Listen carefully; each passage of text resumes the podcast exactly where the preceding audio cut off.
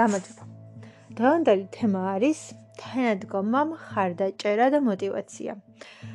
და დღევანდელი თემა არის იმაზე, თუ რამდენად მნიშვნელოვანი არის, როდესაც ჩვენთვის ძვირფასი ადამიანები გვერდით გვიდგანან, ჩვენ გვერდით არიან, ხარს გვიჭერენ და და რამდენად გუმატებენ ძალას და мотиваციას.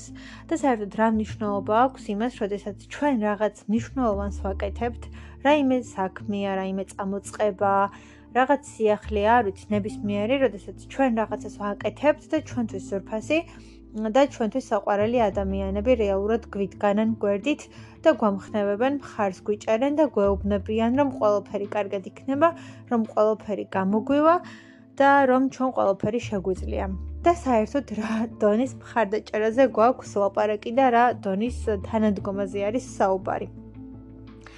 ну მხარდაჭერა და თანადგომა ზოგადად შეიძლება რომ იყოს ბევრნაირი, ხო? ну შეიძლება შეიძლება ეს იყოს მატერიალური.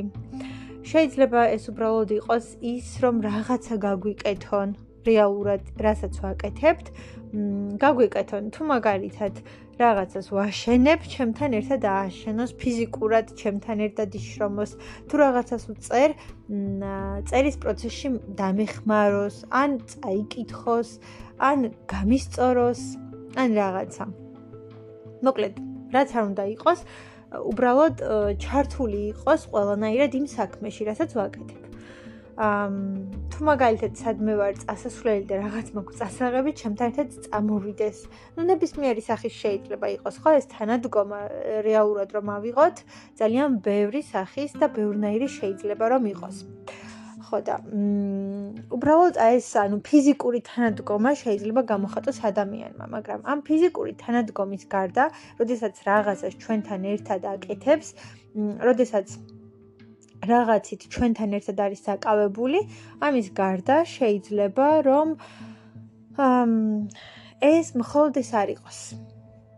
ამ ამის გარდა შეიძლება უბრალოდ ხარში დაგვიდგეს და ჩვენ გვერდით იყოს იმ კუთხით, რომ გაგვამხნევოს ემოციური მხარდაჭერა და რაც კიდევ უფრო მეტად მნიშვნელოვანია, ფსიქოლოგიურად გვეხმარებოდეს, მხარს გვიჭერდეს და უბრალოდ გვამხნევებდეს და გვეუბნებოდეს, რომ ჩვენ ყველაფერს შევძლებთ, რომ ჩვენ ყველაფერი გამოგვივა, რომ ჩვენ ვართ საკმაოდ კარგები და ძლიერები და რომ მოკლედ ყველაფერი შეგვიძლია. კონდეს ჩვენი იმედი და კონდეს იმის იმედი, რომ ჩვენ ყველაფერს გავაკეთებთ, რომ ჩვენ ყველაფერს შევძლებთ. და რომ ჩვენ ყველაფერი გამოგვივა და უბრალოდ წამდეს და შეჯეროდეს ჩვენი. იმდენად წამდეს და შეჯეროდეს, რომ ჩვენ ძალიან დიდ ძალას გვაძლევდეს და ჩვენც უფრო მეტად ვიჯერებდეთ საკუთარი თავის ანუ საკუთარი თავის ფას, შესაძლებლობებს, უნარებს და უფრო მეტად ვხედავდეთ რაღაცებს და უფრო მეტად გვჯეროდეს თუნდაც იმის, რომ ჩვენ ნამდვილად შევძლებთ და ჩვენ ნამდვილად გამოგვივა. და მე მკითხავ ხშირად ემოციური მხარდაჭერა და ემოციური თანადგომა უფრო მეტად მნიშვნელოვანია ის თანადგომა რომელიც გამოხატული არის სიტყვებით უბრალოდ თანადგომით მხარდაჭერით და იმით რომ შენ ნამდვილად ხედავ და გრძნობ რომ მეორე ადამიანს შენი შეერა და შენი წამს იმიტომ რომ ზოგადად აი ამ რწმენას და ამ დაჯერებას რომ შენი შეერად შენი სწამთ, შენი იმედი აქვთ და ხედავენ, რომ შენ ეს ყველაფერი რეალურად შეგიძლია და ხედავენ, რომ შენ ეს ყველაფერი რეალურად გამოგივა და როდესაც აი ამ ყველაფერს გაგრძნობინებენ, რომ შენ ეს ყველაფერი შეგიძლია რეალურად და ნამდვილად და შენ ამ ყველაფერს აღიქვამ და ხედავ, კიდე უფრო მეტი ძალა გეძლევა, კიდე უფრო მეტი мотиваცია გეძლევა, კიდევ უფრო კარგად, ხარისხიანად და კიდევ უფრო დიდი მონდომებით და შემართებით აკეთებ იმ საქმეს, რასაც აკეთებ. და ჩემი აზრით ეს არის ყველაზე მნიშვნელოვანი, როდესაც ადამიანს რეალურად შენის წამს და შენის ჯერა და ამას გამოხატავს ყველანაირად, ყველანაირი ქმედებით, სიტყვით, საქციელით ნებისმიერი გამოხატულებით, რაც კი შეიძლება რომ იყოს და ყველანაირად საერთოდ გაგრძნობინებს და დაგანახებს იმას, რომ მას შენის ჯერა, მას შენის წამს და შენი იმედი აქვს. და იმდენად შეერა, რომ შენ ყველაფერს შეძლებ და შენ ყველაფერი გამოგივა, რომ ამას გამოხატავს თავისი ნებისმიერი ქმედებით და არ ვიცი, ყველანაირად, რომ უყურებ იმ ადამიანს, ხედავ, რამდენად შეერა შენი, რამდენად წამს იმის, რომ შენ ყველაფერს გააკეთებ, შენ ყველაფერს შეძლებ და გამოგივა. მაგრამ შეიძლება რომ ეს ადამიანები გვეხმარებოდნენ ფიზიკურადაც, ხომ? ანუ თუ რაღაც მნიშვნელოვანს ვაკეთებთ იმ საქმეში, იყვნენ ჩართულები. თავის აზრს გვეუბნებოდნენ, თავის შეხედულებას, ან იმას როგორ გამოგვივა უფრო კარგი.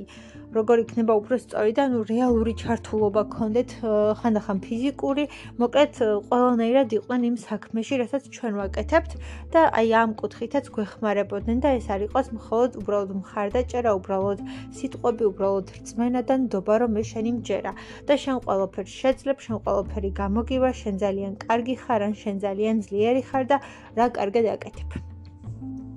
მაგრამ ხანდახან ან შეიძლება ხშირად არ ვიცი, არ გხვდებიან თვათ ესეთი ადამიანებიც, ხო? ბოლომდე რომ ვთქვათ, ესეთი ადამიანები ყოველთვის და ხშირად არ გხვდება და არ გხვდებიან ადამიანები, რომლებსაც ჩვენი მართლა ცაესე შეერად. ან შეიძლება შეერად, მაგრამ არ გამოხატავენ ამ ყოველფერს. შეიძლება ჩვენი წინსვლა და წარმატება ძალიან ახარებთ და მათთვის მნიშვნელოვანია, თუმცა თუმცა ამ ყველაფერს მოკლედ რეალურად ნაკლებად გამოხატავენ ან ვერ გამოხატავენ. და ამ შემთხვევაში და ასეთ შემთხვევაში მოკლედ უბრალოდ мотиваციას გვიგდებენ, ასე ვთქვათ. აა მე თუ მკითხავთ, მგონია რომ ორი რამ ხდება. აა მაშინ როდესაც ადამიანები, ჩვენთვის ზურფასი ადამიანები და ჩვენთვის ძალიან მნიშვნელოვანი ადამიანები, ძალიან ახლო პირები, ა რომელთა აზრს, შეხედულებას და მოკიდებულებას და ასე შემდეგ ძალიან დიდი ზეგავლენა და მნიშვნელობა აქვს, ან მხარს გვიჭერენ, აი ესე ძალიან და ასე ვთქვათ, გვასაფორთებენ. ან პირიქით, საერთოდ არაფერს არ გამოხატავენ და პირიქით, ანუ თითქოს ჩვენი არც შეერათ, არც გონიათ, რომ რამე გამოგვივა დიდი იმედები არ აქვთ, დიდი რწმენა არ აქვთ. მაშინ ხდება ორი რამ. ერთი ის, რომ ეს ყველაფერი კიდევ უფრო მეტ мотиваციას გვაძლევს, რომ დავუმტკიცოთ, რეალურად რამდენად კარგები ვართ ჩვენ, რომ ეს ყველაფერი ჩვენ შეგვიძლია და რომ ეს ყველაფერი ჩვენ გამოგვივა და ნამდვილად გამოგვივა. რომ ჩვენ ნახე, როგორი ძლიერები ვართ, რომ ჩვენ ნახე, როგორ მოგწონს ეს ყველაფერი, ჩვენ ნახე, რა მაგრა გამოგვდის ეს ყველაფერი და რომ რეალურად მოკლედ ვართ ძალიან მაგრები და იმ საქმეს ძალიან კარგად ვაკეთებთ, რასაც ვაკეთებთ. რომ იმ საქმეში ჩვენ წარმატებულები ვართ, რომ ის ყველაფერი ჩვენ მოგვიტანს ასევე წარმატებას და მოკლედ რომ ჩვენ ამ ყველაფრით ძალიან კარგ რაღაცას ვაკეთებთ და კარგად ვიქნებით. და მოკლედ როგორი მიღწევები გვაქვს, როგორი წინსვლა გვაქვს, როგორი წარმატებები გვაქვს, როგორ კარგად ვართ და ასე შემდეგ და ასე შემდეგ და ასე შემდეგ. მოკლედ ეს არის ერთი შემთხვევა, როდესაც ჩვენ პირიქით ვამტკიცებთ იმას, რომ კი, ჩვენ ძალიან კარგები ვართ, კი, ჩვენ ძალიან ძალიან კარგები ვართ და კი, ჩვენ ძალიან კარგად გამოგვდის ის ყველაფერი, რასაც ვაკეთებთ. მაგრამ მაგრამ არის მეორე შემთხვევა ამის გარდა, როდესაც პირიქით ის რომ ჩვენთვის ძალიან მნიშვნელოვან, ძვირფას, ახლო და უახლოეს ადამიანებს არ სწამთ ჩვენი, არ შეერთ ჩვენი და არ აქვთ ჩვენი იმედი. პირიქით ეს ყველაფერი ძალიან ცუდად მოქმედებს და იმდენად ცუდად მოქმედებს, რომ გვიკარგავს ყველანაირ ძალას, ყველანაირ мотиваციას, ყველანაირ სტიმულს, ყველანაირ წინსვლის სურვილს, რაიმეს გაკეთების სურვილს, ან რაიმეს დამტკიცების სურვილს და პირიქით ყველანაირად დაბლა გვაგდებს და ძალიან ცუდად მოქმედებს ჩვენზე.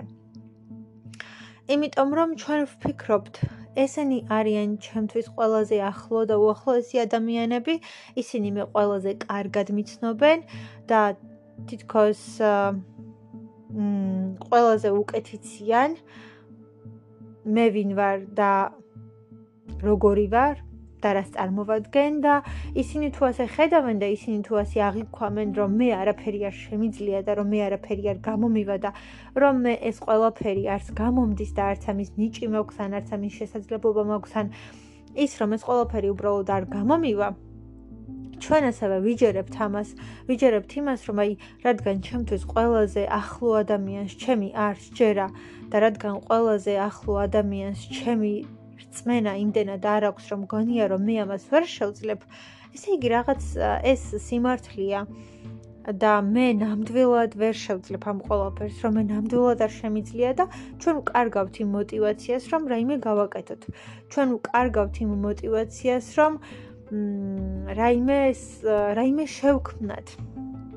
და ვკარგავთ იმ мотиваციას, რომ აა უკეთესი რამ გავაკეთოთ და საერთოდ თავს ვანებებთ, ან უგულოდ ვაკეთებთ, ან ზერელეთ ვაკეთებთ, ან მივაფუჩეჩებთ, რომ რაღაცები მოვიშოროთ და რეალურად აღარ ვდებთ ჩვენს ძალას, ენერგიას, რაღაცას და აღარც გამოგვდის რეალურად ისეთი კარგი, როგორიც შეიძლება რომ გამოგსულო და ან ყოფილიყო.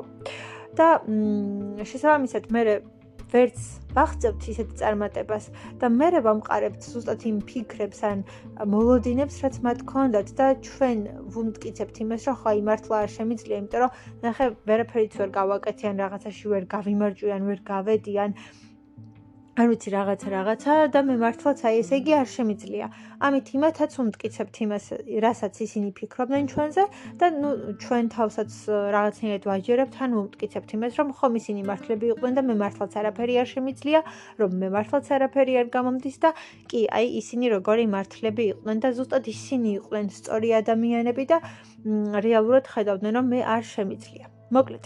აი ეს ორი ვარიანტია, როდესაც ნუ გააჩნია ადამიანს ტიპაჟს, როგორი ხასიათის არის, როგორი როგორი დამოკიდებულება აქვს რაღაცების მიმართ და ასე შემდეგ და ასე შემდეგ, მაგრამ ნუ ფაქტი არის, რომ ეს ყველაფერი ასე მოქმედებს და ასეთი გამოვლინება და გამოხატულება აქვს, რომ ჩვენ ჩვენ ან ვიჯერებთ რომ უი მართლაც არ შემიძლია და მართლაც არაფერი შემიძლია, მართლაც არ გამომივა და როგორც უდოდ ვაკეთებ ყველაფერს და ბევრ რაღაცას აღარც გავაკეთებთ, აღარც ვცდით, აღარც ვიფიქრებთ და დავიჯერებთ მართლა იმას, რომ უი არ შემიძლია და უი საერთოდ არ გამომდის, ან პირიქით.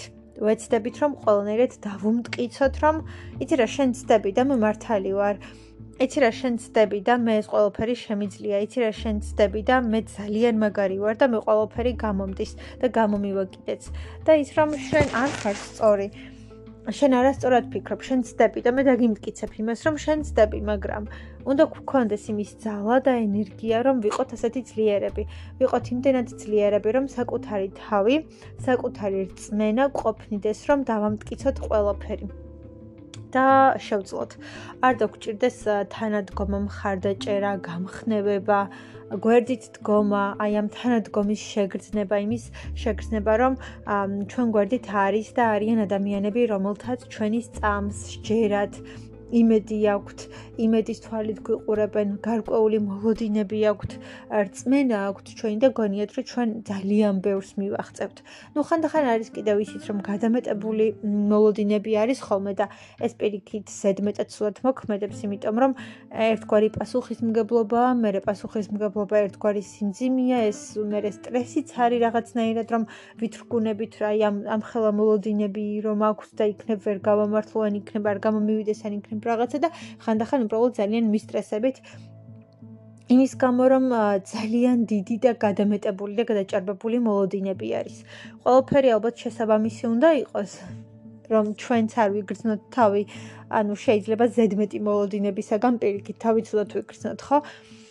მაგრამ რეალურ ნორმალურ გამოხატულებაში უბრალოდ, როდესაც ჩვენს გვერდით არიან ადამიანები, რომელთაც შენი შეერად წამთ, შენი იმედი აქვს, მხარს გიჭერენ, ყველანაირად გამხნევებენ. ეს მხოლოდ არ არის რომ ვიღაცა მართლა რაღაცაში დაგეხმაროს და რაღაცები გაგიკეთოს, ან გიკეთოს ხოლმე. არა, უბრალოდ გაგამხნევოს თუნდაც სიტყვიერად მხარში დაგიდგეს, დაგაჯეროს, დაგარწმუნოს, დაგაჯეროს, რომ შენ რეალურად ყველაფერი შეგიძლია, რომ ყველაფერი გამოგდის და გამოგივა. რომ შენ ძალიან კარგი ხარ და რომ ეს ყველაფერი ძალიან კარგად გამოგდის და მოგცეს мотиваცია. აი, ასეთი ადამიანები არიან ჩვენს ცხოვრებაში ძალიან დიდი დიდი სიწურფასეები, იმიტომ რომ ისინი გვაძლევენ ძალას, ისინი გვაძლევენ мотивაციას, ისინი გვაძლევენ ძალიან დიდ ენერგიას. და შეიძლება თამამად ითქვას, რომ ჩვენს წარმატებაში და ჩვენს ყოველ ნაბიჯში ძალიან დიდი როლი აქვთ მათ. და ისინი ძალიან დიდ როლს თამაშობენ ნებისმიერ ჩვენს წარმატებაში. და იმ მიღწევებში, რომლებიც გვაქვს ცხოვრებაში და მათი დამსახურებაც არის გარკვეულწილად, იმიტომ რომ ისინი ყოველთვის ჩვენს გვერდით იდგნენ. მათ ყოველთვის სწამდათ და შეჯეროდათ ჩვენი, მათ ყოველთვის ჰქონდათ იმედი, რომ ჩვენ რაღაცა შევძლებდით, რომ ჩვენ რაღაცა გამოგვივიდოდა, რომ ჩვენ ნამდვილად ნამდვილად კარგები ვართ ამ ყველაფერში და რომ მოკლედ ყველაფერი შეგვიძლია. და ისინი გვაჯერებენ და გვარწმუნებენ რომ კი ჩვენ ძალიან ძალიან კარგები ვართ რომ ჩვენ ყველაფერი შეგვიძლია რომ ჩვენ ყველაფერი გამოგვივა და ყველაზე მაგრები ვართ. მაშინაც კი როცა შეიძლება ასეთი მაგრები არც ვიყოთ. მაგრამ ისინი ძალიან დიდ ძალას გვაძლევენ, ისინი გვაძლევენ мотиваციას, აა ძალიან დიდ ენერგიას და მართლა ძალიან დიდ ძალას და აი ეს ძალა, ეს ენერგია არის ის ნახევარი საქმე, რომელსაც ჩვენ ვაკეთებთ. და იმდენად გვმუხტავენ ამ ყველაფრით, ამ იმედებით, ამ რწმენით, ამ ძალით, ამ რაღაცით, რომ ჩვენ იმდენად დიდი ძალა გვეძლევა ხანდახან, რომ მართლა ვფიქრობთ და გვგონია და მართლა გვაქვს იმის შეგრძნება, რომ ჩვენ შეიძლება მთებიც კი გადავდგათ, იმიტომ რომ ძალიან დიდი ენერგიით, ძალით ვივსებით და მართლაც არის იმის განცდა, რომ აი ყველაფერს, ყველაფერს შევძლებთ საერთოდ, რომ თებს გადავდგამთ და გადავლახავთ. არის ყველაფერი გამოგვივა, იმიტომ რომ ჩვენ ჩვენთან ის ადამიანები არიან, ან თუნდაც ერთი იყოს, ერთი ადამიანი არის, ვისაც ჩვენი ბოლომდე წამს შეერა და აქვს იმედი. და ის გვაძლევს იმდენ ძალას და იმდენ ენერგიას, რომ ჩვენ მართლაც შეგვიძლია გადავდგოთ მთები, გავაკეთოთ ყველაფერი, შევძლოთ ყველაფერი, გამოგვივიდეს ყველაფერი და იმაზე უკეთაც კი გამოგვივიდეს, ვიდრე ვიდრე ისე გამოგვივიდო და ან ვიდრე ჩვენ ვფიქრობთ. იმიტომ რომ სხვანაირი мотиваცია გვაძლევა, სხვანაირი სტიმულია, სხვანაირი ენერგიაა და მართლაც ის ძალა გვაძლევა, რომელიც მთებს გადაგვადგმევინებს და თუ მაგალითად სხვა შემთხვევაში ისე რა გამოგივიდოდა ან ჩვეულებრივი იქნებოდა და არაფერი ისეთი განსაკუთრებული, ასეთ შემთხვევებში ბევრად კარგი გამოდის, ბევრად ბევრად განსაკუთრებული გამოდის და მართლა ისეთი არის, რომ ჩვენც რომ ვიამაყებთ, უი რა კარგი გამომივიდა და ხანდახან ვერ ვაფასებთ და ვერ ხვდებით იმას, რომ თითოეული ამ წარმატების მიღმა და უკან დგას ჩვენთვის ძალიან ძვირფასი, ჩვენთვის ძალიან საყვარელი ადამიანი.